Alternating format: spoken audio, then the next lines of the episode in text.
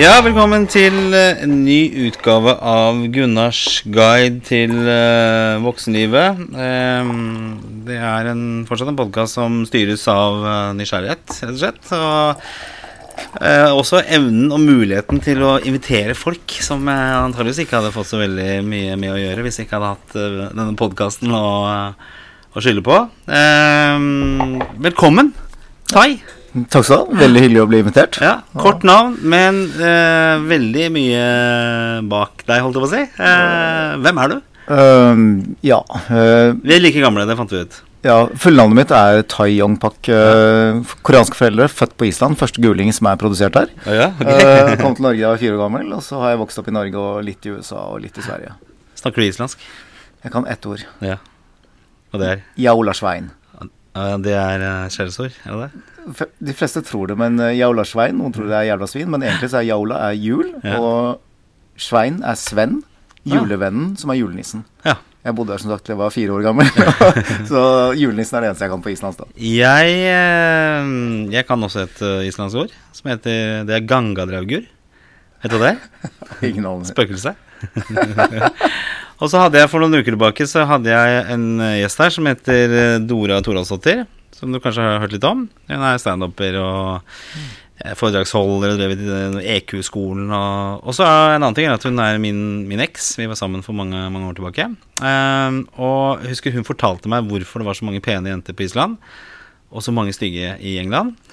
Det var jo fordi vikingene når de røvet rundt, så tok de jo selvfølgelig med seg de pene jentene tilbake til Island og lot de ikke så pene være. Det, det, it makes sense, da, på en måte. Med en liten digresjon. For øvrig så Reykjavik har opptil 70 kvinneandel i tider. Spesielt eh, under fiskesesongen før iallfall. Ja, Så dro alle mannfolka ut og fiska, mens eh, Og de ble igjen ofte på gården. ja. eh, mens kvinnene reiste inn til Reykjavik og studerte. Men er det også fordi at det var så mange som forsvant på sjøen, eller? At mennene ble borte, ble tynna litt ut? Det er vel sikkert en medvirkende Ikke nå, årsak. kanskje. Ikke nå, kanskje. Nei, men jeg tror det fremdeles er veldig mange som lever av jordbruk der og fiske. Og det er kvinnene stort sett som reiser inn til Reykjavik. Ja. Et land jeg ikke har vært i, for vi var aldri sammen så lenge nok at jeg ble tatt med tilbake til eh, Island. Uh, Tai, hvorfor du er her i dag? Altså, Du er jo en fyr med, med utrolig mye, så vi kunne snakket om veldig mye forskjellige ting i dag. Uh, jeg inviterte deg inn fordi du har vært i alle verdens land. Ja, det stemmer. Eh, litt som vi snakket om tidligere. Det er eh, jeg fullførte i fjor, da.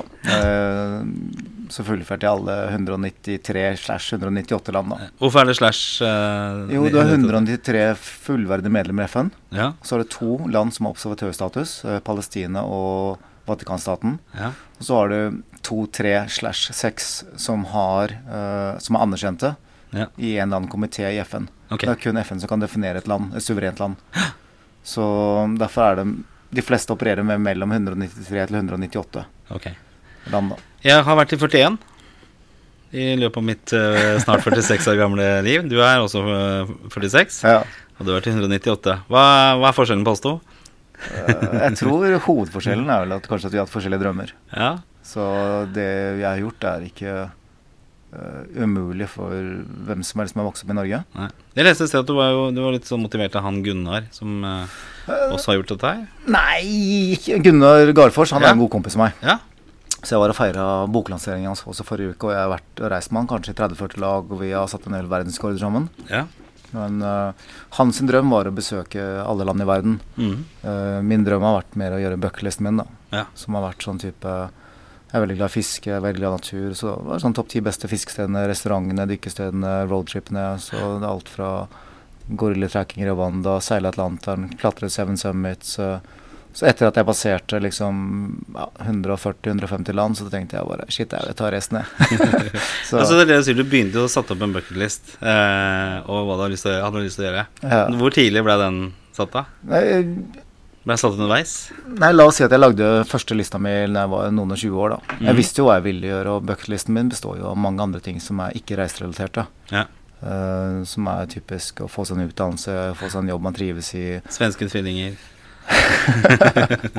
altså, det var, ganske Uh, Men det jeg merket etter en stund, da, for jeg har vært uh, relativt målrettet, da, eller, som, eller det er jeg generelt som person eh, Det jeg fant ut av, var at etter en stund så hadde jeg reist. Da hadde jeg vært i Galapagos, Amazonas, og vært på karnevaleri og Og så hadde jeg sikkert besøkt la oss si 60-70 land. Så Ja. tenkte jeg liksom OK, hva nå? Og det jeg gjorde da, var bare å tenke at uh, Det er et kinesisk ordtak som sier at den største feilen du kan gjøre i livet ditt, er å, å nå alle dine mål. Mm. Så det var en, jeg var i en prosess hvor jeg var sånn OK, hva skal jeg gjøre nå, da? Uh, jeg hadde ikke nådd alle, men jeg hadde nådd veldig mange av reisemålene. Så tenkte jeg Tai, du er glad i fiske. Mm. Ok, Hva er de ti råeste Jeg så på sånne River Monsters og mange av disse Hva er de ti råeste fiskene, ferskvannsfiskene og saltfiskene? Så slang jeg på bucketlisten min. Ja. Du er glad i fjell. Ok, Seven Summits. Du er glad i restauranter. Ok, sleng opp de ti beste. Reis nå. Så jeg begynte å være de beste dykkestedene i verden. Hele verden. Så jeg begynte å bare legge inn alle interessene mine, kombinere dem med reiser, og plutselig kunne jeg reise tilbake til Thailand igjen. Ja. Fordi den uh, verdens største ferskvannsfisk lever i Mekongelven. Okay. Så da dro jeg dit. Uh, VG var med meg for øvrig, da, fordi de ville lage en reportasje om det. Ja. Når var det du begynte å reise for alvor? Hvor gammel var du? Jeg reiste hele livet mitt. Uh, så min mor eh, Jeg vokste opp med en alenemor med to Ja. barn på sykepleierlønning, så vi had, hun hadde ikke veldig mye penger. Men eh, hun tok et valg da vi var små, at enten så skulle hun prøve å spare penger til oss til jeg og broderen min var uh, gammelagt, eller eventuelt gifte oss og trengte å kjøpe hus, så ville hun eventuelt hjelpe oss med det. Mm. Alternativt så ville hun vise oss verden. Og så heldigvis så valgte hun det siste. Ja.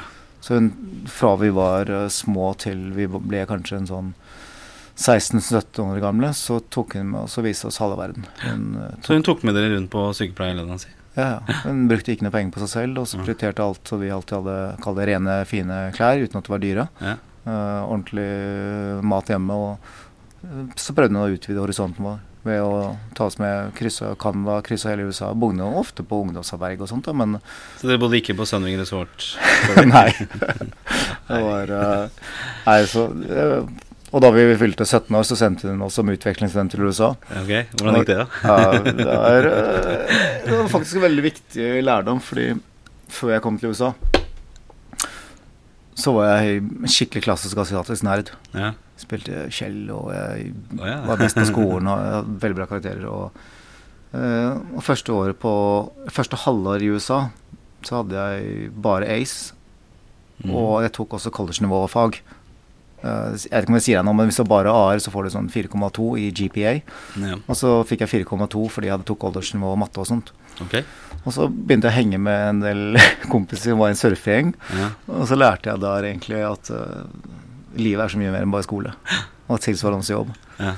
Uh, så da jeg kom tilbake på KG da, så jeg gikk på KG, så fikk jeg fremdeles bra karakterer. ja. For du er naturlig smart. Ja. Ja, det er det.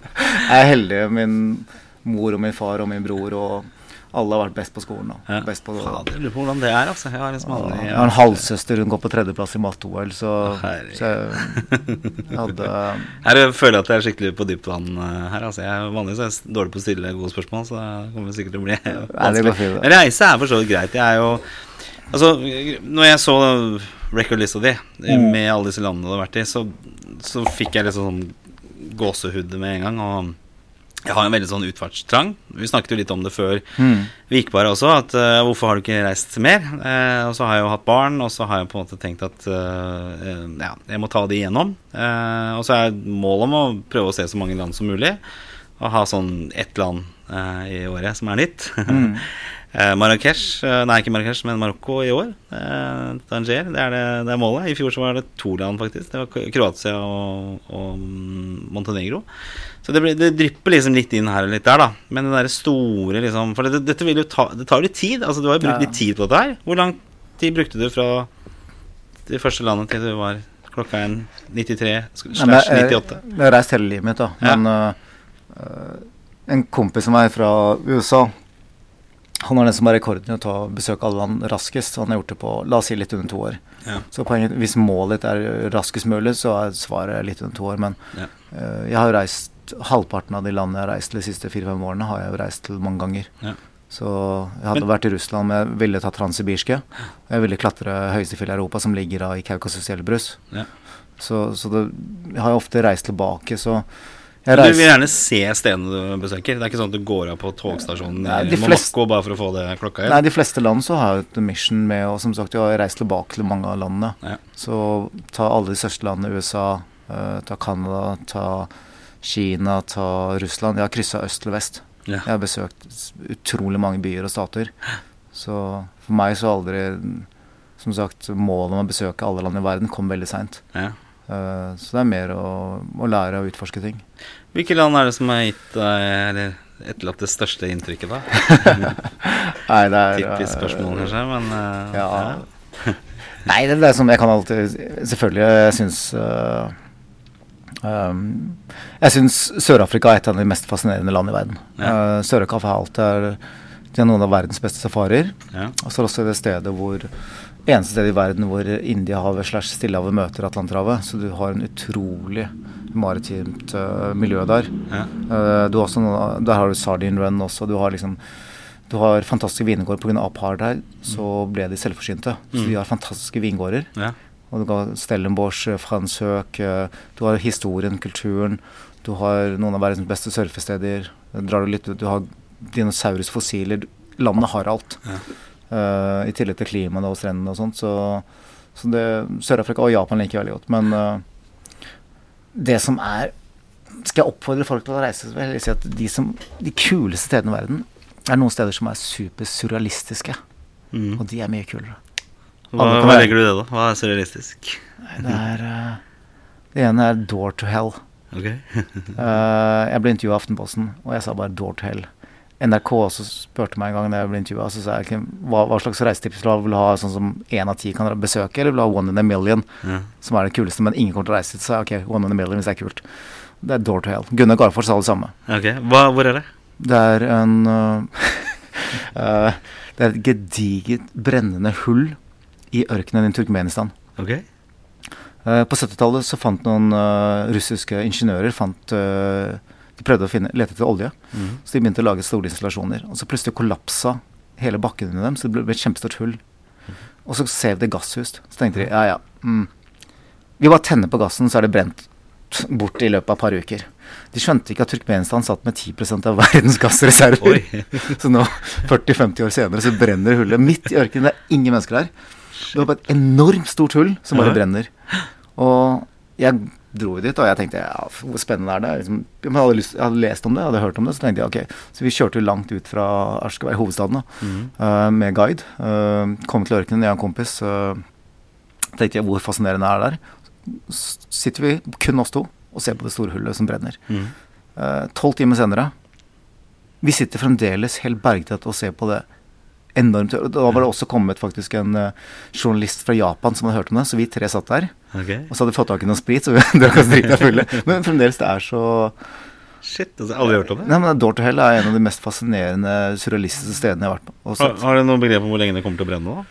Nei, fordi de har jo begynt å tappe gass nå i Turkmenistan. Derfor eh, det er en superrik diktatorstat. Ja. Derfor har de flest uh, marmorbygninger Ja. I hovedstaden Ashgabat. Og du Mm. har gullstatuer av diktatorene og den nye diktatoren. Uh, og den ene gullstatuen roterer med solen, for den skal alltid se mot solen. Så, så de har tappet veldig mye, så det er vanskelig å si, da. Fordi avhengig av hvor mye gass som er i bakken, spesielt når du utvinner det. Uh, en annen som er litt lettere å besøke, som er en fantastisk surrealistisk opplevelse, er uh, Tsjernobyl. Ja. Har du vært der, ja? Ja, og gå inn der med Geigentellet. Det er trygt å ferdes der nå, Ja. Men eh, det er over 200 landsbyer, og alle måtte flytte på dagen. Mm. Og besøke du, går inn i bygningen, du ser bare en hel by, en sivilisasjon som bare er forlatt på dagen. ja. Helt nye shoppingsentre er forlatt på dagen. Ja. Uh, Men er det ikke sånn at dyrelivet har blomstra veldig opp Jo, i det området også? naturen har tatt tilbake hele, så både trærne vokser inn, men også 10% av alle villhestene i verden Ja. eh, er nå i Tsjernobyl. ja. Eh, Du har også Men er det sånn at de, har tilsynelatende ikke tatt noe særlig skade av eh, radioaktiviteten? Jo, jeg vil ikke ha spist dyr Nei. som vokste opp Men det er ikke sånn med to hoder som går rundt? Nei, nei, nei. Det er, eh, men, så det er ikke trygt å det er trygt å være der, men du kan ikke dyrke noe. ting. Det er trygt å bevege seg som turist, og det er trygt å alt mulig. For de har vel Eh, fått på plass en, eh, en ny sånn sarkofag, er det ikke det? Altså Jo. nå nylig? Ja. Eh, Et eller annet vel- fransk ingeniørteam eller noe sånt som Ja, noe de har pakket inn det, så Ja. det er jo seks reaktorer der, da, og Ja. flere av dem har jo gått kontinuerlig. Mm. Mange av dem ble ikke stanset. Så, så de produserer fremdeles uh, strøm der. Gjør du det? Ja, Oi. Så de har gått hele tiden, de. Og så har de pakket inn den reaktoren er fem eller seks som rakk. da. Men det som er fascinerende også, er at folk kjenner ikke til historien her, sånn, men uh, det skjedde en liten antenning på én av seks reaktorer. Uh, hvor kanskje litt under 20 fyrte av. Ja. Uh, samtidig så var det en sannsynlig, svært sannsynlig at det ble antenne resten av reaktoren. Så de, det er ingen som har sagt noen offisielle tall. Man tipper tusener av russere døde. Russland, som ikke som, De ofret seg. De sendte mm. inn De hadde ikke noe personell. Ingenting funka. Eller de hadde personell, men de ikke, hadde ikke noe utstyr. Så de sendte inn folk til å begynne å grave inn der, og alle disse døde. Eller ja. de har aldri rapportert hvor mange. For det å stanse en hovedeksplosjon i reaktoren som ville vært betydelig større. Og Det er en historie som ikke er så veldig godt kjent, men hadde ikke de klart, hadde ikke de ofret alle disse arbeiderne som ble sendt inn der, de ble lurt inn der mm. for å stanse en antenning av hovedeksplosjonen, så ville hele Europa blitt, vært ubebodd i dag. Ja. Og Shit. det er en så utrolig kritisk del av historien. Jeg husker jeg har sett en sånn dokumentar hvor de bl.a. De står oppå et tak og, og uh, skal fjerne radioaktivt uh, Og der kan det ikke være mer enn ett minutt. Ja, det stemmer. Uh, ja, ja. De, av gangen. Så de er liksom inne og så løfter bort uh, avfall. Type sand og andre ting oppå ja. der. Så det var jo en helt vanvittig. Jeg husker jo egentlig veldig godt når det skjedde også. Mm. Var, dette var jo 86. Mm. Uh, og det var liksom den der uhyggestemningen som var uh, da. Vi visste jo ingenting heller, ikke sant. Det, jeg husker det var annet sånn avslutning på skolen. Jeg husker det var hockey-VM, og det var noe Ja, det, det var en spesiell Det er en syk historie, og ja. de som drev Sørløy-reaktoren Jeg tror de fikk vite om det. Liksom, det. det. var så mye hemmelighold i begynnelsen, og det var mange som ikke visste om det. Jeg tenker Det var jo var ikke det mest åpne landet Nei. på det tidspunktet. Så folk som har lyst til å reise dit, ja. i Europa, det er en av de mest surrealistiske stedene jeg har vært. Er det, det er liksom litt turist turistifisert, på en måte? Eller er det altså når du skal liksom til Ja, det er turistisert. Det, det, er jo turer. Altså, ja. det, er, det, er, superlett å bare booke seg på en tur, en dagstur, ja. bort dit. Men det anbefaler jeg folk, og det, det er ekstremt lærerikt. Og uh, folk skjønner ikke hvor nære egentlig verden, eller Europa, var fra å være ubeboelig. Shit, altså. Og, nei, så, så det er, og en tredje er for øvrig surrealistisk greie, hvis man har mulighet til det, Burning Man. Ja, det er den kuleste festen i verden. Det er det, er det sykeste Noen av bestekameratene mine fortalte meg om Burning Man hele tiden. tenkte jeg, jeg, jeg, jeg har vært på karnevaleri, jeg har vært på masse karnevaler, jeg har vært på så mange fester og sånt. ja. Men så kom jeg på Burning Man, og det var Det er, det sykeste jeg har vært på. Hva skjer da? Hva, hva, hva er greia? Um, våre foreldre hadde Woodstock via Burning Man. Det er en landsby. Det er det er noen som kommer dit for drugs og rock'n'roll, men faktisk veldig få. Ja. Uh, det er noen som kommer fra musikken. Flere verdens beste. Det er en landsby de bygger i ørkenen kun for de Kall det den uken som er der. Mm. 70 000 mennesker som bor der. Alle har camper. Det er uh, så mange ulike ting som skjer hver dag. Uh, det er Kall det ikke russebuss, men det er art cars. Mm -hmm. Så de lager de lager de mest surrealistiske Tenk deg russebusser, bare at det ikke skal være en russebuss. Men du skal lage en kunstbil, ja. og du har Du har ikke noe budsjett. Nei. Så folk lager biler som er eh, som en blekksprut, eller blekkspruter, metallblekkspruter på fem meter høye, som spruter ild, ja. som beveger seg. De lager drager, de lager alt mulig. Uh, for tre år siden så var det noen, en, en, av de campene da, Det er mange camper som konkurrerer mot hverandre. En camp som fant ut at de skulle lage den kuleste artkaren, så de kjøpte en Boeing 747, kappa an vingene og lagde den til en kabriolet med skikkelig musikkanlegg. Alt er gratis der. ja, okay. ikke, og alle gir ting gratis. Det er mat og drikker og alt mulig. Og du skal også da gi i din camp, da. Så det er en, eh, ikke en bytteøkonomi, men det er en gratisøkonomi. Okay. Og folk er så 10 går uh, toppløse, eller nakne. Ja. Uh, du har verdens beste DJ-er, du har sinnssykt mange kule artinstallasjoner. Og midt i landsbyen så står det en 40 meter høy mann i tre. Mm -hmm. Uh, som de brenner uh, nest siste dagen. da okay. Eller siste dagen. da Men Har det ikke vært en pause på det der? Nei, det er hvert år. Er det? Men ja. Jeg leste noe om det Vi har snakka om det litt hjemme. Skjønner Jeg har en kone som har nevnt at han har lyst til å reise dit. Dra så, dit. Og hvis du har lyst til å dra dit, skal jeg gi deg tips på hvordan du får billetter. Det er nesten umulig å få billetter. Det er det? Ok At billetter er fire år på rad. Hvordan kommer man seg dit, da? Hvordan reiser man? Nei, du flyr til uh, typisk Las Vegas ja, eller San Francisco. Ja. Og så leier du en bil derfra, så kjører du inn til uh, ja, Reno er den nærmeste store byen, da. Og så kjører du inn til Black Locker City, og så tar du derfra. Men ja.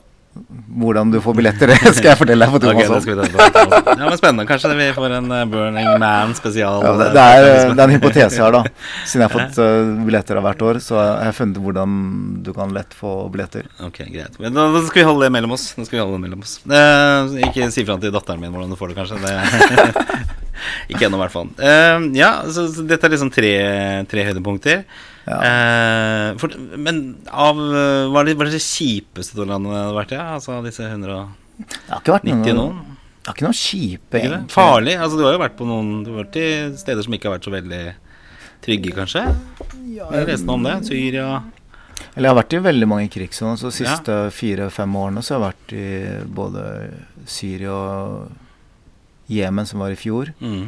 Uh, Pakistan er ikke så ufarlig. Og, um, så har vært i Libya, hvor det er full borgerkrig. Jeg har vært i Sør-Sudan, hvor det er også borgerkrig. Jeg har vært i Mali, hvor deler av det er borgerkrig. Uh, Så jeg har vært i veldig mange sånne Hvordan er det å komme inn i disse landene i forhold til visum og hvordan Nei, du, du må gjøre hjemmeleksene dine, fordi ingen av disse stedene har turistvisum. Nei. Så det er, det er todelt, da. Eh, men eh, for alt, siden du ikke har turistvisum, så må du finne en annen måte å komme inn på. Ja. Og noen ganger så går de inn på businessvisum. Ja. Uh, typisk eh, i Libya og Sør-Sudan så må jeg finne da en sponsor Mm. som, sier, som er en bedrift som inviterer meg inn til møter. Ja. Og så må jeg da gå og søke om businessvisum. Mm. Så eksempel i Libya så var, fikk jeg tak i en handler som kunne ordne meg uh, businessvisum. Eh, betaler han egentlig ganske mye, men det er den eneste måten. Han er den beste handleren. Er den eneste handleren i Tripoli, eller i Libya. Mm. Um, og så Jeg husker ikke om jeg betaler han La oss si at du betaler han 800 dollar eller euro for å få pre-approval i Libya. Okay. 300, og 500 er for arbeidet hans, pluss guiding og pluss, pluss. Så må jeg reise da til København i full business suit okay. og, og søke om å få visum basert på en invitasjon, businessvisum-invitasjon.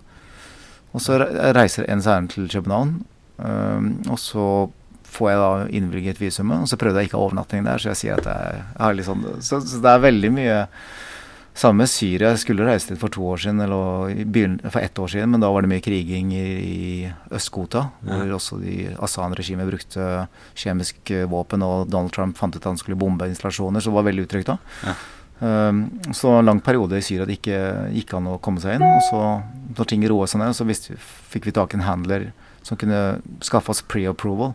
Okay. Da sender du 300 dollar ned til da uh, en person som du ikke har møtt Ja. i Damaskus, men okay. som du har fått anbefalt, og så ordner han deg. Og, mens andre ganger så er det Equadial Guinea som er en av de vanskeligste landene. Der er det ikke borgerkrig, men du har en veldig paranoid diktator. Ja.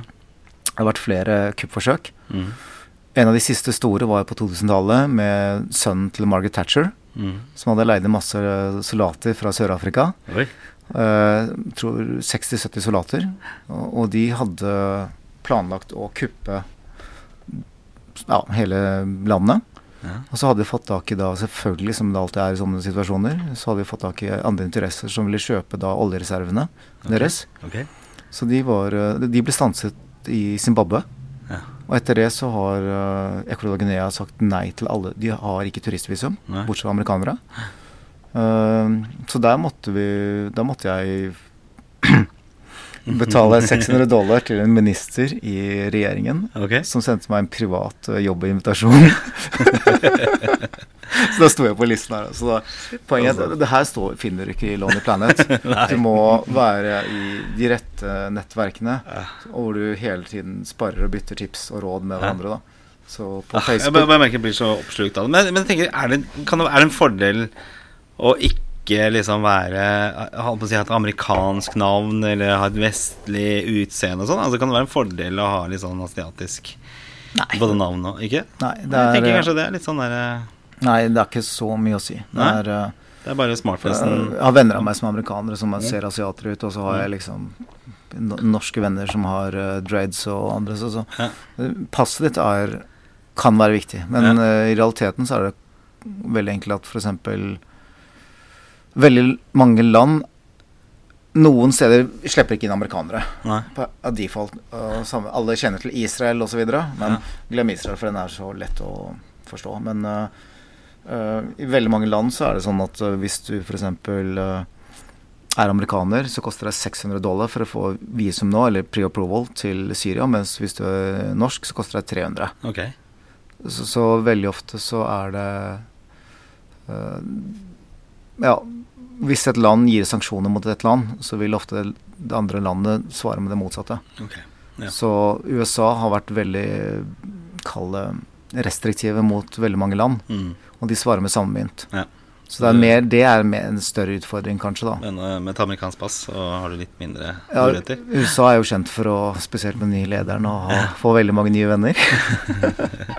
Men når du reiser rundt i verden, nå har du på en måte sett nesten hele verden, da, eller du har sett alle landene. Ja.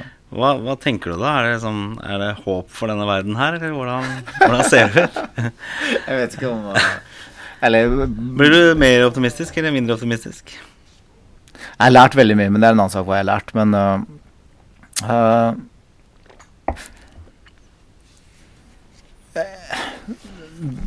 Jeg er optimistisk i den forstand at jeg, jo mer jeg reiser, så jo mer ser jeg kanskje både min egen kultur og verden og meg selv i en annen kontekst. Ja. Så verden er ikke så lenge svart-hvitt.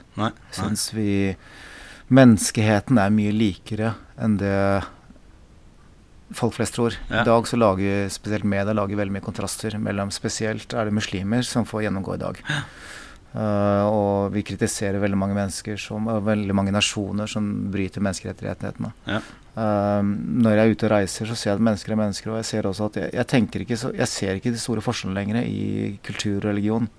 Jeg ser det mer som at vi alle er Jeg ser på nasjoner og kulturer mer som mennesker nå. Sånn at uh, i Norge går vi tilbake De siste 100 årene så har vi diskriminert jøder, vi har tvangssterilisert tatere, vi har kritisert uh, samer, uh, homofile. Mm. Og, virkelig, og det samme gjør en del nasjoner i dag. Vi, jeg ser det mer som en Vi er kanskje I Norge så er vi, la oss si, en uh, mann i midtlivskrise. Mm. Mens noen nasjoner i dag er tenårer, mm. tenåringer. Og vi skal være påpasselige med å kritisere en tenåringsutgave av oss selv. Og Bare som vi hadde her Dora, da, som er, Ja. driver med relasjons- eh, og eh, EQ. mm. Og mye i forhold til hva du er som menneske. At du liksom Du blir formet veldig fram til du er seks år. Ja. Eh, Når du er ungdom, så er det på en måte Du er litt, eh, en mess av en person. Så du Mm. lærer underveis. Så jeg tenker jo det du sier, at eh, sånn som Norge var for 100 år siden, sånn som kanskje kristendommen var, da, ikke sant. Man reiste rundt med korstogen og drepte folk, og hvis Ja. ikke du fulgte tronen, så var du ferdig. Og Du, det, du trenger ikke gå lenger tilbake enn bare for 30-40 år siden så var det mye flere terrorangrep i Europa, og mange flere drepte. Men da var det typisk uh, ka katolsk. Ja, ja. og- Så, så vi lever i den fredeligste tiden i verden i dag. Ja. Så jeg tenker, Det er veldig det der når man reiser rundt, øh, og for mitt vedkommende også, for hver, hver ny kultur jeg opp, opplever, jo mer kunnskap får jeg det, mer forståelse. Eh, jeg husker faren min, han, rest in peace, han er jo død, men han øh, hadde vært i, i Polen en gang, og så hadde han vært i Sverige.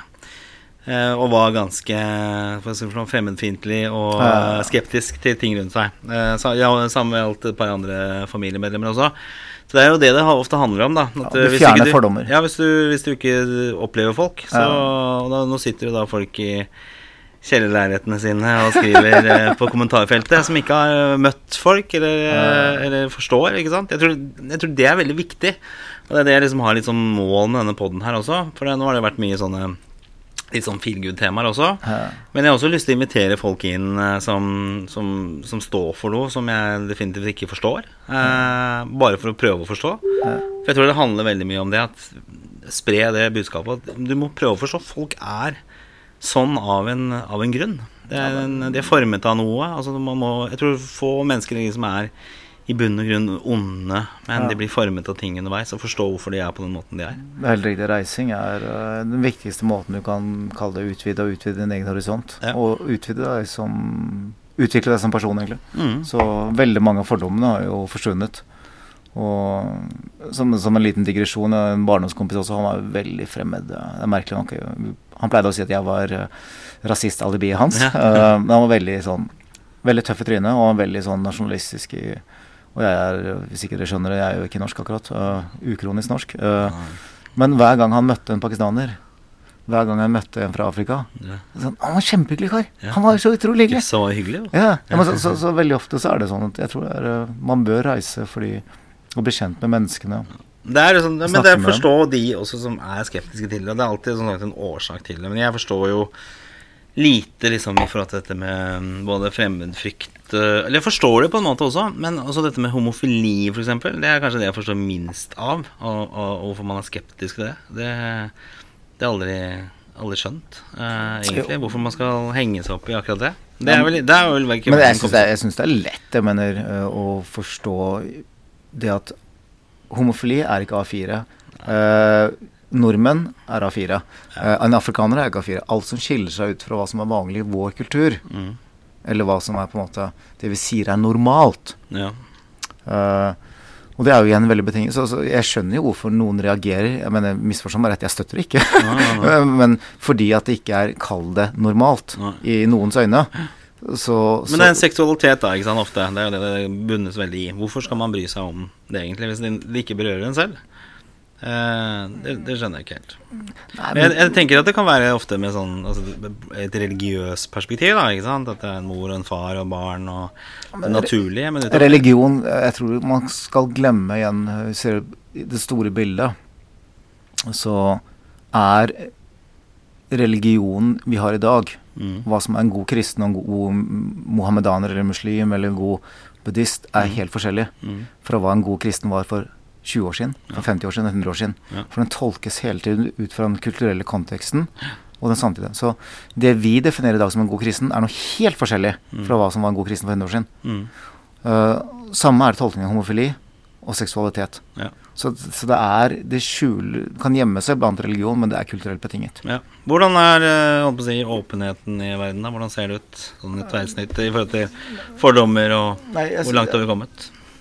Nei, jeg, jeg føler at de fleste i verden er ganske åpne. Men de fleste i verden, 80% av verdens befolkning bor i u-land, og 50% av verdens befolkning bor i diktatorstater. Ja. Så det er litt begrenset med tilgang. Men når jeg er ute og reist, så syns jeg de Nesten alle menneskene er så utrolig åpne og hyggelige. Mm. Faktisk en av de stedene så jeg, jeg er ekstremt ekstrovert, jeg har masse venner i Norge. Mm. Men øh, du skal til Vesten, og der finner du en hostility som du ikke ser. Jeg mener uh, Jeg snakker med folk på bussen. Jeg blir, folk, venner av meg jeg har møtt på kassa på Rema og på Coop-en og på overalt. Men øh, i Norge så er det ti ganger vanskeligere å bli kjent med folk enn det er hvilken annet sted i verden. Mm. Øh, Men Det er sikkert årsaker til det. Det er jo det derre Vi har sittet inne kaldt om vinteren. Ikea oppsto her fordi vi er så opptatt av å innrede hjemmene våre. jeg, jeg vet ikke om det er Men, jeg, Men det er, det er rart. Jeg var ute og gikk med bikkja her i nærområdet, og så var det en fyr som eh, som sto ute og holdt på med bilen sin utenfor en, eh, en bolig der, da. Og så spurte han du har du bodd her lenge, eller? Da, da ble jeg liksom skeptisk med en gang. Hva er det han egentlig vil meg? Hvorfor spør han om dette her? For han bodde såpass langt unna at det ikke er Ja. nabo, så jeg ikke hadde sett den før heller. ja. Men jeg ble veldig sånn usikker med en gang eh, for, eh, for hva er det han egentlig ville meg. Jeg tror du må se en litt, større kulturell kontekst. Øh, Jeg kommer fra Korea. Man pleide å si at koreanere er Eller Korea var en liten mus mellom to elefanter. Mm. For den ligger mellom Kina og Japan, som hele tiden slåss. Og hver gang de skulle slåss, så brukte de Korea som landgang. gang. Så Korea ble ødelagt hele tiden og Ja. okkupert av begge. Uh, og det har påvirket, så de var et veldig fattig land helt til de knakk en kode. Ja.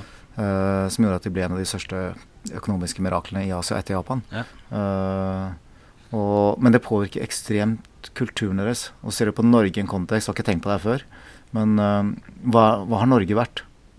Vi har alltid vært en sånn liten nasjon, se bort fra vikingtiden, da, men vi har vært uh, styrt av Danmark, av Sverige. Stormakten har ligget der, mens vi har alltid vært uh, den lille attpåkladen ved siden av. Bare- Helt, helt til ser- vi fant olje. Ja. Helt til vi fant olje. Ja, da, da kan vi Det er liksom slottene våre. Det er boligriggene og eller. Men jeg, jeg var jo i København nå i helgen. Ja. Og går rundt og ser på alle de slottene. Da du oppdager fort at det var et makssentrum i Europa, og. Danmark var det. Men går du rundt i Oslo by, så finner du ikke så veldig mye katedraler og de liksom storslåtte byggene. Så jeg tror kanskje det har mer vært førende for øh, kulturen vi har i dag Ja. de siste 100 årene. Uh, fordi Sverige og, Danmark og Norge, sånn rent biologisk sett, så er vi ekstremt like. Ja. Men ser du at vi har vært på en måte den svake parten i alle år, helt til vi fant olja. Jeg føler at vi er den der, den der den eh, verdalingen som ble lottomillionær. Jeg, Ja, ja. er Kjøper det. litt for stor campingvogn og Vi er det. Og det er, eh, dessverre så fokuserer vi ikke Nei, vi er, vi er ekstremt privilegerte. Vi er de, mest privilegerte som har levd noensinne i verden. Ja, vi er det. Vi er, vi er jo lottovinnere, alle som bor i det landet her. sånn. Prøver å si det til ungene, at eh, det er jo superheldig. Så, og jeg prøver å si til meg sjøl også at jeg er veldig heldig som, som bor her. Men samtidig så, så er det liksom den nysgjerrigheten på det som er, i, er, resten av verden. Det å liksom forstå det. For, at, for egen del så har jeg jo kommet en, litt sånn lite, litt forbi det derre holdt på å si storbyferien og jeg har alltid vært veldig glad i de gangene jeg har liksom kommet inn på lokalbefolkningen. Mm. Liksom, eh, nå er det jo vært med unger, og jeg har vært til og med innom Stønving Resort-Eiran også. Uh, som er litt morsom, for det, det er jo sånn at du ligger eh, Du har liksom to, to ting du gjør på dagtid. Det er enten at du ligger ved bassenget, eller så ligger du på stranda. Og da ligger du ofte på den samme solsenga på på stranda og eh, samme solsenga ved bassenget. Og da er det de samme folka rundt, altså. ikke sant? Så har det vært sånn der at nå, mm, nå har det blitt restriksjoner som legger håndklærne sine, da. Eh, og jeg tenker, det er jo ikke noe det er, Du får et varmt sted, men du ser jo ikke noe av verden eh, når du reiser til disse stedene. For vi var jo på fem-seks forskjellige steder, det var akkurat det samme. Det, var, eh, det så likt ut rundt deg. Jeg har lyst til å utfordre deg litt. Ja. Uh, for det første så vil jeg bare si at eh, jeg styrer alltid unna resorts når jeg reiser. Mm. Hvis jeg er på Maldivene eller hvis jeg er i Seychellen. Hvis jeg går inn på resort, så møter jeg de samme menneskene. Det er stort sett honeymoonere eller rike vestlige. Ja. Og resortet så har de alltid den samme menyen. Mm. De kan prøve en lokal twist på det, tilpasse vestlige ganer. Eh, og veldig mange av de som jobber der, er typisk innleide eh, personer fra Filippinene eller andre steder. Så jeg møter ikke noe autentisk med kulturen. Jeg blir ikke kjent med dem. Alt er bare overpriset, og det er det samme standard overalt. Jeg lærer ingenting om kulturen. Eh, jeg har et vennepar Eller ikke vennepar, for jeg, jeg er ikke par, men eh, Du er singel? Jeg er singel, ja. Da vet dere det, jenter. At, eh, Men jeg har en venner av meg ja. som er Eller par som er venner, som Et par venner, eller et vennepar. Ja. Faras Ja. og Maria. Hun er norsk, og han er fra Han er indo-fijianer. Ja, ok. Eh, og de traff hverandre på utveksling, og så har de gifta seg og fått barn. Ungen er kanskje to år. Mm. Jeg tipper den ungen har vært i kanskje 20-30 land. Ja. Og jeg, jeg blir så inspirert av dem, fordi de er liksom meg i den forstand at de reiser overalt. De tar med ungen til Fiji, de tar den med til Bali, de tar den med overalt. Ja. De reiser ikke på sånne resorts, men de, og de bryr seg ikke om at de har en unge med. Ja. Da min bror han er lege, og samboeren hans er lege, og når de reiser er sånn der, Han reiste ekstremt sånn hardcore backpacker, broderen. Ja. Han reiste og skulle besøke Han kunne snakke sinnssykt mange språk.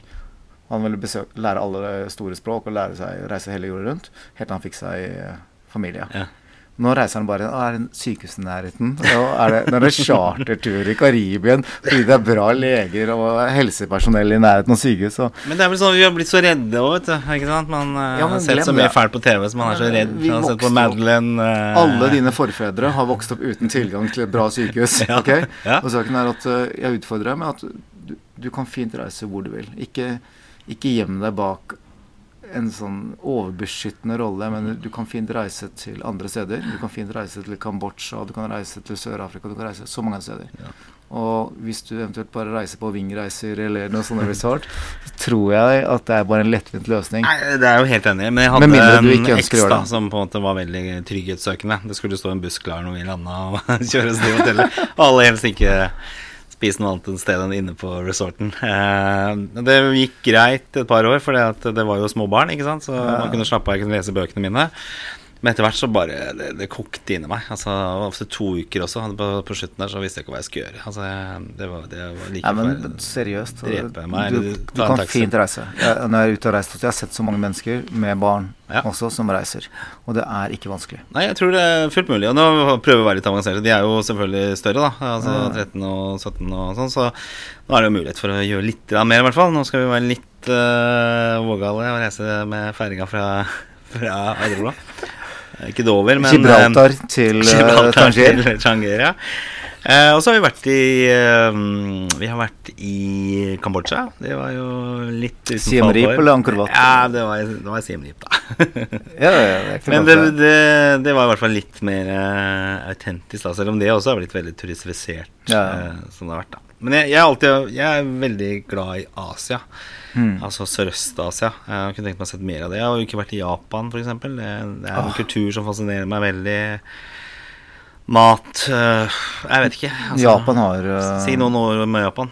eh, en av de mest fascinerende land i verden. Eh, da de starta med Michelin-guiden i 2007, så ble det ramaskrik i Frankrike fordi at de fant ut at Paris og Kyoto hadde flere Michelin-stjerner i hver av byene enn Paris. Ja. Eh, så de har noen av verdens beste mat. Ja. Eh, når du kan betale 1000 kroner for to meloner eller fire epler, Ja. så sier du at du har en ekstrem betalingsvilje. Så du har en ek også ekstremt fascinerende kultur, Ja. historie. Eh, du har over 600 skianlegg. Mm. Du har 11-14 meter med snø som faller ned. Ja. 14 meter på Hokkaidoøyen og 11-12 meter. Jeg har aldri sett så mange gode skikjørere noensinne. Jeg har vært mye i Alpene. Jeg har stått på ski over halve verden. Um, så Japan er absolutt å gå på ja, Shinjuku, harjuku, gå på Roppongi og spise der. eh, nei, som sagt, Japan og Sør-Afrika er blant mine to favorittland. Og du har jo litt å legge bak deg, siden du har vært i alle, alle land nå. Er det noen land du ville si liksom styr unna, eller er det Eh, ja, men det er ikke så veldig populært. ja, Da tenker du mer på de der eh, Nei, Er det storbyferien og Nei, gjennomgående så er jeg Nei, jeg sier ikke at folk skal styre unna dem, men uh, uh, gjennomgående så tenker jeg mer og mer på kanskje at jeg ville styrt unna land som kanskje bryter veldig med menneskerettigheter.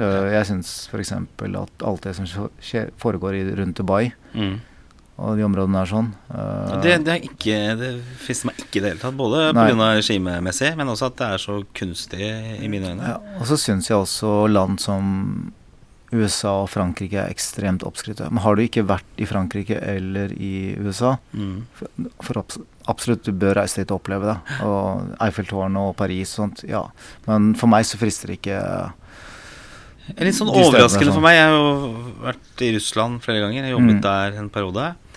Var blant annet i Murmansk. eh, Mm. Det var, da hadde man jo Dette var jo på 90-tallet, begynnelsen av, eller midten av 90-tallet, når muren hadde falt. eh, Og man var jo, jeg var jo veldig sånn skeptisk til å reise dit eh, i utgangspunktet.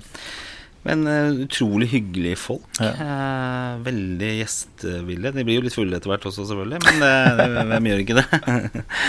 men utrolig Og St. Petersburg og Moskva som byer. Jeg kan ikke liksom huske Nei, sett noe er- vakrere enn St. Petersburg jeg, på noen av de turene jeg har vært i andre steder i Europa. Jeg digger uh, Russland. Det er, det er en helt annen kultur, men uh, Men du har jo vært lenger østover også, skjønte mitt jeg. inntrykk med Russland er at det er helt forskjellig fra stereotypen hvordan vestlige medier liker å fremstille russere. Ja. Så jeg klatra Elbrus, som sagt, i Kaukasus, og så tenkte jeg yes, nå skal jeg drikke vodka liksom med gutta og sånt. Ja. Jeg klatra, meg, og så var det ni russere.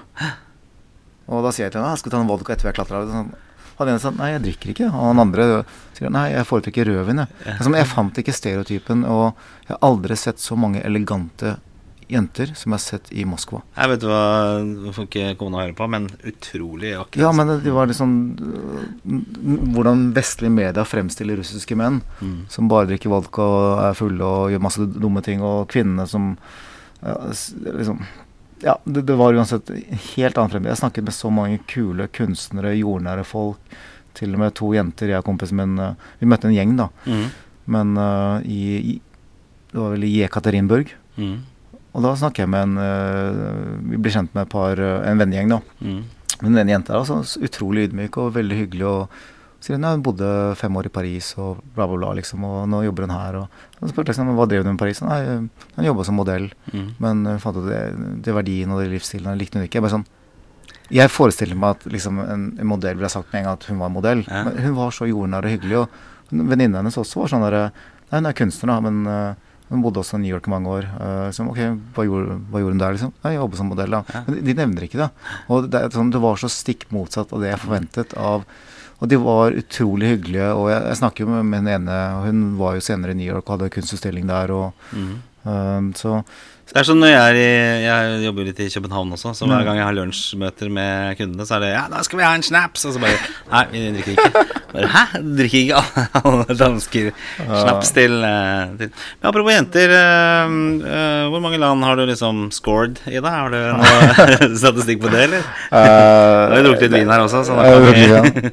Jeg må nok være skuffe deg litt. Jeg, jeg pleier å ha en policy uh, om at jeg ikke Jeg ligger ikke rundt når jeg er ute og reiser. Ikke det? Nei. Nei. det kan, gjør kanskje ting mer komplisert også, så Nei men, du jeg, litt av har jo nei, men jeg har jo reist med Jeg har reist med ekstra damer og dater og Ja, sånt. da Ja. Så- Men er du på 50 eller 100, eller Jeg tenker litt over det, at liksom har jeg Nei, lignet noen en del andre her. Nei, jeg liker ikke selve Og hvis du ser på reisehistorikken med Én ting er om det har vært tre måneder i Brasil eller hvor som helst, da. Mm.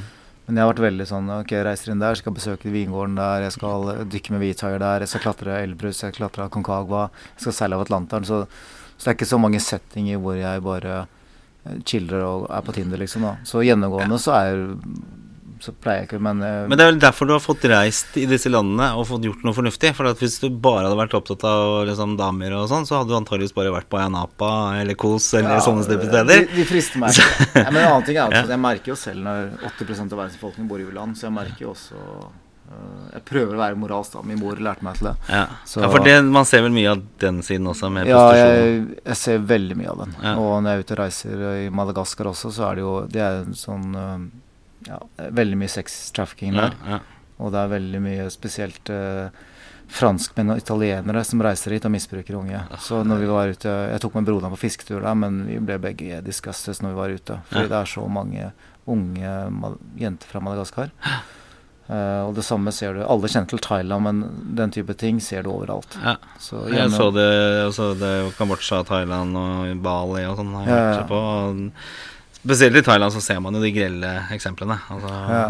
øh, Skyt meg hvis jeg står som 66-åring på Pattaya med en øh, 18-åring. Altså, Så- jeg skjønner ikke. Men øh, ja. Det morsomste er altså når du reiser, så du, finner jo også det er land hvor det er faktisk motsatt. Det er hvite jenter som misbruker unge lokale gutter. ja, det har jeg også sett. Det var vel en film om det. Den, den Ja, der, en av de mest kjente er. Gambia. Ja, den er vel fra Gambia. Det er vel noen tyske damer som driver og der har misbruker. også så, så Ja, ja. seksuelt misbruk går begge veier. Men, men derfor er det sånn så jeg liker ikke Jeg liker ikke Jeg blir kontaktet selvfølgelig, men jeg liker ikke den situasjonen hvor jeg, jeg vet jo at jeg er eh, Kall det en rik turist, da. Ja, ja. Eh, og lokale jenter. Det er ikke fair bare- game, liksom. Det ikke, Nei, så jeg har bare styrt unna. Men eh, jeg bruker jo couchsurfing veldig mye, og da sier jeg at jeg vil ha en guide. Så da treffer jeg jo unge mennesker, eller ikke bare unge, men eh, jeg treffer alt mulig. Jeg velger ut hvem jeg har lyst til å møte på couchsurfing. Jeg sier at jeg har eh, et sted å bo, Ja. men om de kan være guider. Og det er eh, Jeg kjenner for øvrig Casey Fenton, han som lagde couchsurfing. Så han er i Norge, så bor han hos- hjemme hos meg, da. Ja. Men sånn, så jeg bruker dem veldig, og det er veldig klar. Så i Irak så var det en uh, irakisk lege som viste meg og kompisene mine rundt. Ja. Og så i ja, Armenia så var det da en uh, journalist, kvinne, som viste meg og kompisene mine rundt også. Så jeg, jeg bruker couchsurfing til å bli kjent med lokale. ja. Jeg prøver ikke å bli kjent med for mange Eller jeg blir kjent med lokale, men ikke sånn jenter i den forstand, da. Nei, nei, nei. Jeg vet jo Det er Ja. Ja, for det er jo, det er jo en liten kunst dette her når man er ute og reiser også, for det er jo mange som vil noe uh, annet av deg enn å hjelpe deg. Ja, men jeg syns det er veldig lett å Hvis du er på turiststeder, så blir det alltid lurt. Fordi alle i et land La oss si det er ti millioner innbyggere der. Og så går du på turiststedene, og la oss si at uh, det er 1000 svindlere. Alle drar til turiststedene. Ja. Så med en gang og så Hvis jeg er f.eks. i Tangier, da, så møter jeg svindlere. Ja. Men hvis jeg, drar til, hvis jeg drar lenger inn i landet, i Marokko, Ja. hvis jeg drar lenger inn andre steder, så har jeg til gode å bli svindla. Det er jo sånn hvis du glemmer en penger, så kommer de løpende etter deg. Ja. Og hvis du prøver å tipse dem, sier de nei, det koster det her sånn. Så, så jeg mener, jeg har fått jeg har møtt det stikk motsatt, egentlig. Ja. At, uh, så, men igjen, du må holde det samme i Italia også. Er du i Dumoen i Milan, så er det alle svindlerne som er i byen, kommer til utenfor turiststedene. Ja. Mens hvis du går lenger innover i Italia, så er det så mange hyggelige mennesker. Samme er det i Afrika, samme er det i Sørøst-Asia. Men det er vel det der at de aller fleste er jo ålreite. Altså, de aller fleste er jo hyggelige, vanlige folk. Og hvis du også oppfører deg hyggelig og er imøtekommen Ja. i hvert fall Det har vært min erfaring også. De beste opplevelsene har jo alltid vært liksom begynt med et smil og være hyggelig. Altså, jeg, jeg føler ofte at jeg, når jeg krysser Norges grense, så er det en slags sånn Supermann-kostyme som, som uh, åpenbarer seg. At man blir en annen person. Man blir, blir mer søkende. I hvert fall merker jeg det. Mm. Og alltid vært den derre Du får så mye mer igjen for det å være hyggelig og smile. Ja, Eh, og, og ta de på, på alvor. Noen ganger må du være litt tålmodig pga. språk og sånne ting. Men altså Jeg husker jeg og en kompis Vi var eh, i, em, i på en sånn roadship i Sør-Amerika. Da, da havna vi i en, en sånn ørkenby i Chile. Og Der visstnok skulle det være et eller annet å se, men uh, vår spansk var jo ikke-eksisterende. Og engelsken var fraværende der. Så vi kom inn dit, og så visste vi jo ikke hva vi skulle se. Uh, så vi endte på en sånn en slags saloon. Og da var det sånn når vi gikk inn der, så var det sånn når du ser westernfilmer, og det blir stille, alle snur seg mot strangeren som kommer inn i saloonen. Eh, så tenkte jeg shit, hva er dette her for noe? Eh, men det uttaler seg at det blir en utrolig morsom kveld. Og, og hvis du hadde komprimert eh, hva vi sa til hverandre gjennom de kanskje tre-fire timene vi satt og drakk der, så hadde det kanskje vært over på ti minutter. Men det var, det var bare eh, fotballnavn ah, Solskjær var det var liksom, det var han store, ikke sant? Og Flo ah, ikke sant? Og så var det viste det at de var eller, ACDC-fans som dro på en sånn lokal rockepub og sånne ting. Og vi, vi var jo hjemme sånn fire-fem på morgenen, og de var jo gruvearbeidere. Og skulle da i gruva ikke sant, dagen etterpå. Vi fikk jo sånn halvveis avtale at vi skulle møte dem igjen, da. Noe vi ikke gjorde, for vi dro videre. Men det var bare så utrolig kult. Eh, nei, det var- det var gøy, altså. Det var kjempemorsomt. Nei, Folk flest generelt er utrolig hyggelige. Og Ja. som sagt, eneste tipset mitt er ligg unna de verste turiststedene. Mm. Fordi uansett om det er Norge, eller om det er uh, Italia eller London eller hvor som helst, eller uh, Addis Ababa, går du på turistredene. er det noen kjeltringer i byen, så går de, oppsøker de turistredene. Ja. Så, men uh, jeg tror jeg har blitt eh, har blitt eh, forsøkt robbet eller stjålet fra fem ganger. Ja. Og tre av dem er i Italia. Og så var det én gang i Ecuador, Ja. og én gang i Addis Ababa. Jeg husker jeg var i Brindis en gang. Skulle ta en ferge. Det er det jævligste stedet jeg har vært i noensinne. Det var sånn, det så sånne gjenger på hver femte meter eh, som sto med sånn kniv, eh, sånn springkniv, og skula på det. Uh, ja. Ja, men så, så det, er, det er som man sier alltid at alle de, de fleste ulykker skjer i hjemmet. ja. Så jeg har brekt og sydd de fleste kroppsdeler. ja. Og 80 har skjedd i Norge. jeg brakk ryggen i Norge, jeg brekte armene og fingrene i Norge, jeg brekte brekt ribbein i Norge. Jeg sydd masse. Men jeg har noen suvenirer fra utlandet også, da, men uh, ble angrepet av noen villhunder i Afrika, så de, ja, de fikk tak i beinet mitt. Da, så. og jeg skjærte av meg fingeren, det gjorde jeg også i Norge. Så, så, så det er ganske trygt å reise. Skjærte av fingeren? jeg skjærte meg fingeren. Ja, ja. Militære. Lekte okay. med en påleggsmaskin. ja. Det er, så, så det er veldig Og jeg, siden jeg har vært i så mange krigssoner, og, og jeg har aldri så, lenge du gjør hjemmeleksen din, og det er lett å gjøre hjemmeleksen sin Ja. Det er superlett å vite om et land er trygt eller ikke. Og så kan du reise, og du vil Så lenge du ligger unna Er du verdens mest gullible car, Mm. så vil du bli lurt i Norge også. Ja. Så da, da blir det kanskje ikke Men da kan du også gjøre dine tilpasninger. Ikke ta med deg kontanter, ikke ta med kredittkort, ikke ta med en dyr klokke. Men, mens det, de fleste mennesker er fantastisk hyggelige. Du kan fint reise, og kommer du på hotellet. Hver gang jeg reiser, se om jeg drar til Libya eller om jeg drar til eh, Los Angeles, Mm. så kan jeg typisk bare spørre hotellet, liksom. Du har tenkt å stikke dit, er det trygt å gå dit, eller bør jeg ta taxi? Så enkelt. Så sier de nei, helt trygt, eller etter, etter klokka ti, så bør du kanskje ta en taxi. Men bare spør de lokale. Hvordan ser du framover, da? Har du noe Hvordan ser bucketlisten ditt ut nå? Jeg har en kjempestor bucketlist, da. Men jeg har tatt kanskje 80 da. Så nå reisefasen men Jeg reiste jo eh, Først jobbet jeg, og så ble min mor syk for seks-syv år siden. Og så okay. tok jeg pause. Passet, jeg og broderen min passa på henne fulltid i to Ja, år. ja. Til hun gikk bort. Og så reiste jeg fulltid i ca. fire-fem år. Med pauser. Så nå har jeg begynt å jobbe igjen, da. Ja. Uh, Men du jobber, sparer opp penger, og så Nei. er det Nei. Nå Nei, jeg har alltid Jeg har alltid hatt en grei kontroll på økonomien, da. mm. Så Det er ikke sånn at du reiser med kredittkortene rundt verden? Nei. Da jeg slutta på handelsskolen Bank Norwegian.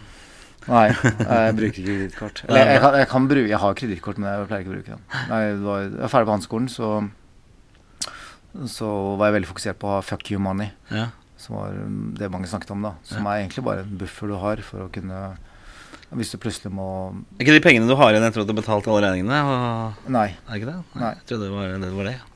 Fucking money er en buffer du har. Så hvis du for plutselig en dag hater sjefen din, eller det skjer en endret livssituasjon, så kan du Du har ikke eid av banken, du kan bare si til jobben din 'jeg slutter', eller hva som helst. Ok. Så da moderen ble syk, så kunne jeg bare si Da sa jeg til jobben at jeg, du, jeg må passe på moderen nå. Ja.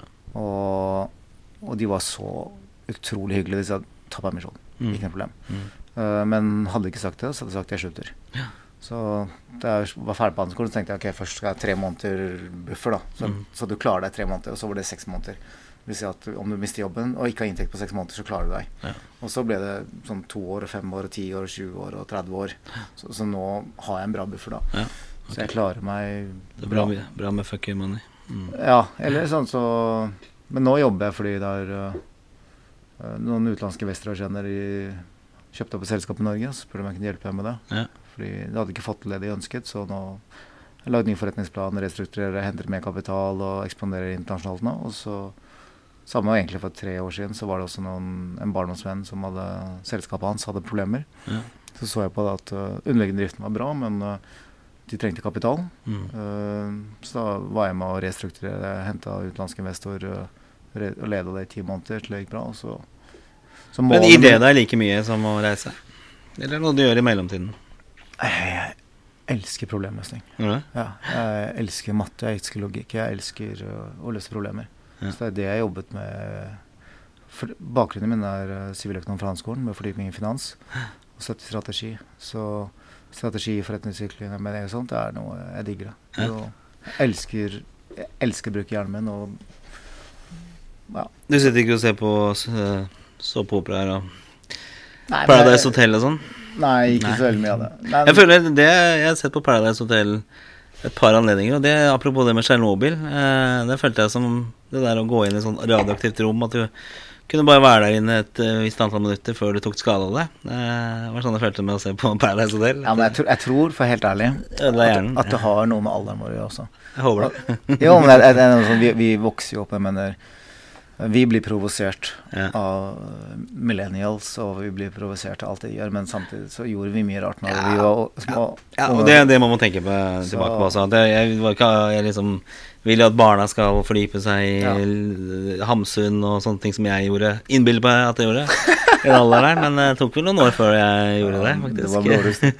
det var ja, men, uh, det ble en veldig lang digresjon, da, men apropos Du spurte om målene. Altså, jeg har vært i forskjellige faser, så jeg har forskjellige mål i forskjellige faser. Men Mm. nå er det Nå er målet mitt primært at jeg ønsker å uh, Jeg er etablert i Norge igjen, og så, så har jeg lyst til å gå neste fase, da. Kanskje ta inn deg, da. Da med barn og Eller finne meg en eh, frøken, og Ja. som, eh, finne meg en soulmate, og så ja, jeg tenker kanskje på familie. Eh, så jeg har lyst til å Jeg har mange mål, da. Så jeg har også lyst til å reise tilbake til stedene jeg elsker. Jeg har lyst til å reise til Antarktis, jeg har lyst til å reise til Grønland. mm. Jeg har lyst til å reise til eh, Svalbard. Ja. Så jeg, Mye som kanskje må sees snart også, før det er for seint. Nei, jeg har tatt de verste før. Ja, det var det. Ja. ja, for du har jo vært det. Men apropos det, du om, du siden du har reist veldig mye, så snakker vi om dette med klimakompensasjon. Eh, for du klimakompenserer. Uh, kan du bare fortelle litt om hvordan det funker? Ja. men Innledningsvis så er jeg veldig opptatt av miljø, og jeg vet jo at reisene mine slipper ut veldig mye, så hvert år så tar jeg og går inn på Det er, det er forskjellige typer Vi hørte om en ny en dag, myclimate.com. Mm. Um, det er flere steder på nettet hvor du kan skrive inn alle reisene dine. Ja. Og det er veldig gode motorer. Kort fortalt, du skriver inn f.eks. Oslo-Bergen, Oslo Kilimanjaro, hvor som helst, og, og de regner ut CO2-kvotene per fly. Ja. Og så får du beskjed om at du har sluppet ut fem tonn med CO2 i år, eller på én reise, eller 20 tonn, eller Mm. 30 tonn, som jeg Mm. av og til har. Ja. Så kan jeg da kjøpe kvoter, eller kompensere for dette. Ved å betale for det, som da blir investert i tiltak, som du kan velge selv, da. Typisk som er enten eh, deforestation eller planting av nye skoger eller teknologier som vil gjøre Eller fornybar energi. Mm. Så hvert år så lager jeg et klimaregnskap for meg selv. Og på reisene mine spesielt, da, fordi uh, de står for sikkert 90% av utslippene mine, har vært reisene mine. Ja, ja. Så Det er en god måte å gjøre det på. Altså, og bevisstgjøre også. Vi, har, vi snakket jo mye om dette her før vi gikk på i stad også. Jeg tenker at Det er et eget tema vi kan komme tilbake til. Dette med miljø, altså, som er viktig. Vi hadde jo Um, Emil Blattmann hadde jeg som gjest for uh, forrige uke, eller hva det var for noe. Han, er jo en, uh, han har jo uh, solgt leiligheten sin og skal bare jobbe for miljøet. Nærmiljøet sitt, da. men som heter Empower Clean City. og det de hadde gjort blant annet nå, var at de sto oppe på Holmenkollen. Foregående år så har det vært en svinesti der oppe. Det de gjorde nå, var at de fikk næringslivet til å bidra. Eh, sånn at når folk leverte inn søppel, så fikk de pølser og kaffe og sånne Og det hadde resultert i at uh, det var mye mye renere der oppe da enn, uh, enn det hadde vært tidligere i år. Og det var litt sånn dette her med disse piskene og gulrøttene i forhold til at folk skal tenke klima, da. At det oftest kanskje dessverre må være en gulrot bak det. Men, men, men det, er jo, det er en god start, da. Utrolig fascinerende. Han er 29 år og går liksom all in da i forhold til miljøet. Klimautfordringen er en av de største store truslene vi har. Uh, I tillegg til at den generelle verdensøkonomien går veldig dårlig. Uh, for da blir det alltid kriger og sånt. Er all historikk vist, vis. Men, ja. Uh, ja, vi er vel ikke ferdig med den, de store krigene, tror jeg. jeg tror jo kanskje Nei, men det, det, med en gang det blir knappe ressurser, det er da folk og dyr Uh, kriger. Eller slåss om territorier. Når krybben er tom, så bites hestene, er det noe som heter. Ja, det er vel uh, ikke helt uh, Nei. Helt usant. Så, nei, men sånn, tilbake til klima, da. For vi kan gjerne snakke om uh, verden også, men det blir mer depressiv. Ja. klima er også egentlig veldig depressivt, men så er det er et, det er et stort puslespill. Og også han du nevner, Emil, han har én brikke. Ja. Så det er mange brikker som må på plass. Og, så jeg tror alle månedene drar. Men jeg savner jeg savner en del større tiltak på de aller viktigste frontene. da. Mm. Men vi trenger Emilie, vi trenger alle typer mennesker. fordi det er ikke sånn at det er ett tiltak som redder verden. Uh, fordi forurensning og klima er, det er så mangedimensjonalt. Og det er det du ser også når, når du reiser rundt. Har du, sett, har du, sett, mye miljøødeleggelse når du har vært rundt hele verden? Ja, men det er en årsak-virkning. Mm. Så Uh, du snakket om uh, tørke i Sudan og ja, Jeg er veldig for at vi skal gjøre mye sterkere tiltak, mm. når det er sagt. Uh, men hvis du ser sånn Jeg ser jo søppelhauger som ligger ute veldig mange steder. Når jeg er i India, når jeg er i Stillehavsøyene. Altså, det samme som du ser på Svalbard. Mm. så kan man alltid si at ja, men forurensning foregår der. Men årsak-virkning Årsaken er egentlig alt det vi konsumerer i den vestlige verden. Mm. Så alle miljøbevegelser snakker alltid om uh, uh, reduce, reuse, recycle. Mm. er det mantraen de opererer med. Også Politikere driver og fokuserer altfor mye på recycle. Mm. Men det er ikke det som er 80-90% av problemet. 80-20-regelen er reduce. Men det har mm. ikke vi lyst til. Så Nei, jo, når mye av økonomien også er basert på vekst, så må ja, du jo selge ny TV, da. Nye mobiltelefoner, når, nye møbler, nye klær. I USA så kaster rundt 30% all mat. I Norge mm. kaster rundt 20% Når jeg kan kjøpe mango offseason fra Brasil på en søndag klokka 11 om kvelden, så sier det litt om problemet. Ja. Men vi er ikke villige. Og politikere snakker ikke om det, og mennesker snakker ikke om det. Men vi, vi har gjennom globalisering gjort at vi kan få alt vi vil, når vi vil. Mm. Eh, våre foreldre kjøpte ordentlige møbler mm. som varte i 30-40 år. Mm. Vi kjøper Ikea som er bruk og kast etter fem år, når vi når ikke lenger det er moderne. Se hvor mange bukser og sko vi har. Italienske dresser for 30 år siden, mm. 50 år siden. De gikk i arv. Mm. I dag så kjøper vi dresser når det er salg på Tiger eller hvor som helst. Ja. Poenget vi må forstå at det er vårt konsum som er problemet. Mm. Vi kan se på det årsak-virkning. Og globalisering har tilrettelagt for dette. Og så lenge jeg og vi forbrukere sier at vi skal ha det ekstreme mangfoldet. At jeg kan kjøpe mangoer, og jeg kan kjøpe grønne asparges, Robert Blanc fra Tyskland når som helst. Jeg kan kjøpe trøfler, jeg kan kjøpe eh, bluefin tuna. Mm. Så lenge jeg skal ha det tilbudet når som helst, mm. og jeg skal kunne kjøpe billige møbler jeg skal kaste til fem år, så kan jeg godt se på konsekvensen av dette med skitne elver i Kina og si at å, kinesere, altså. Ja. Eller så kan jeg se og ta meg selv Hvor er det ting blir produsert? Eh, Som skjer Kina. Ja, ikke sant? Ja. Jo, og India om alle disse lavkostlandene. Mm. Og det igjen practice what you preach. Vi i Vesten kan godt si at ja, men dere indere, dere må passe på forbruket deres. Mm. Men de alle andre fattige land, samme som nordmenn gjorde før også, vi ser jo opp til Vesten. Mm. Og de vil kopiere vår livsstil. Ja. Og vi kan ikke si at vi skal ikke være moderate, men det skal dere være. Så med mindre vi gjør noe fundamentalt i vårt forbruksmønster som en rollemodell, så vil alle andre som ikke har det vi har, kopiere oss. ja. Og da har vi jo et stort problem. Hvis alle skal ha det forbruket som vi Ja, har. men det er, det er det som skjer.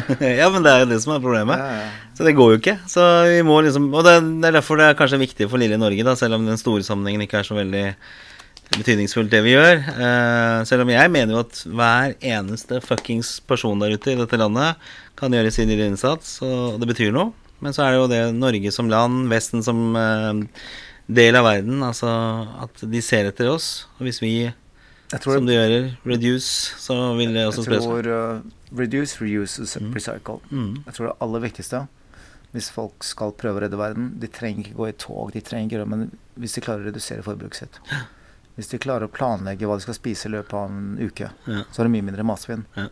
Uh, Ett kilo kjøtt bruker uh, rundt 15 500 liter vann. Én liter melk trenger rundt 1100 liter vann for å produseres. Og da tar det med alt som brukes i kornproduksjonen, som så kuen spiser, Mm. som så drikker også vann i tillegg. Så, sjokolade har faktisk versting 17 000 liter vann bruker du for å produsere 1 kilo sjokolade. Ja. Så saken er at så lenge vi Og tenk på alle klærne. Spiser litt sjokolade. Jeg elsker det. Så- Alle klærne vi bruker også. Mm. Saken er at alle møblene, teknologi Venter du, selv om det kommer en ny telefon, venter du tre måneder, da. Mm. Fordi du kan bruke telefonen din litt til. Uh, utsette noen innkjøp. Mm. eh, planlegge måltidene dine. Kaste mindre mat. Kanskje ikke du trenger Kanskje du lapper buksen din. Mm. Kanskje du arver litt.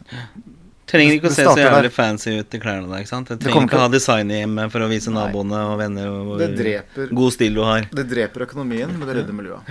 Men hva tror du hvor, Bare sånn vi kan ta helt på slutten her, sånn, da begynner klokka å bli mye. Men uh, hva, hva tror du Hvis vi reduserer forbruket uh, i forhold til uh, det vi må, egentlig, Mm. hvilke konsekvenser får det for verden sånn økonomisk? Økonomisk sett så, vil det være veldig ødeleggende. Ja. Så vi har malt oss opp i et hjørne her. Ja, ja og nei. Problemet er det samme som en person som røyker. Som Mm. elsker å røyke, og så ser du at helsen går til helvete. Så ok, skal du kutte ned på lysten, eller skal du tenke på helsa di? Så er det miljøet.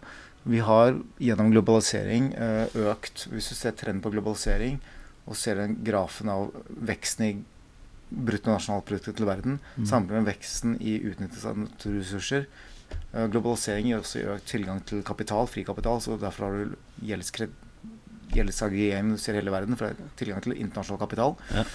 Og du ser også at uh, med globalisering så har det også medført at uh, investorene de siste 30 årene i Norge Ingen gidder å investere i Norge lenger, eller i USA. Mm.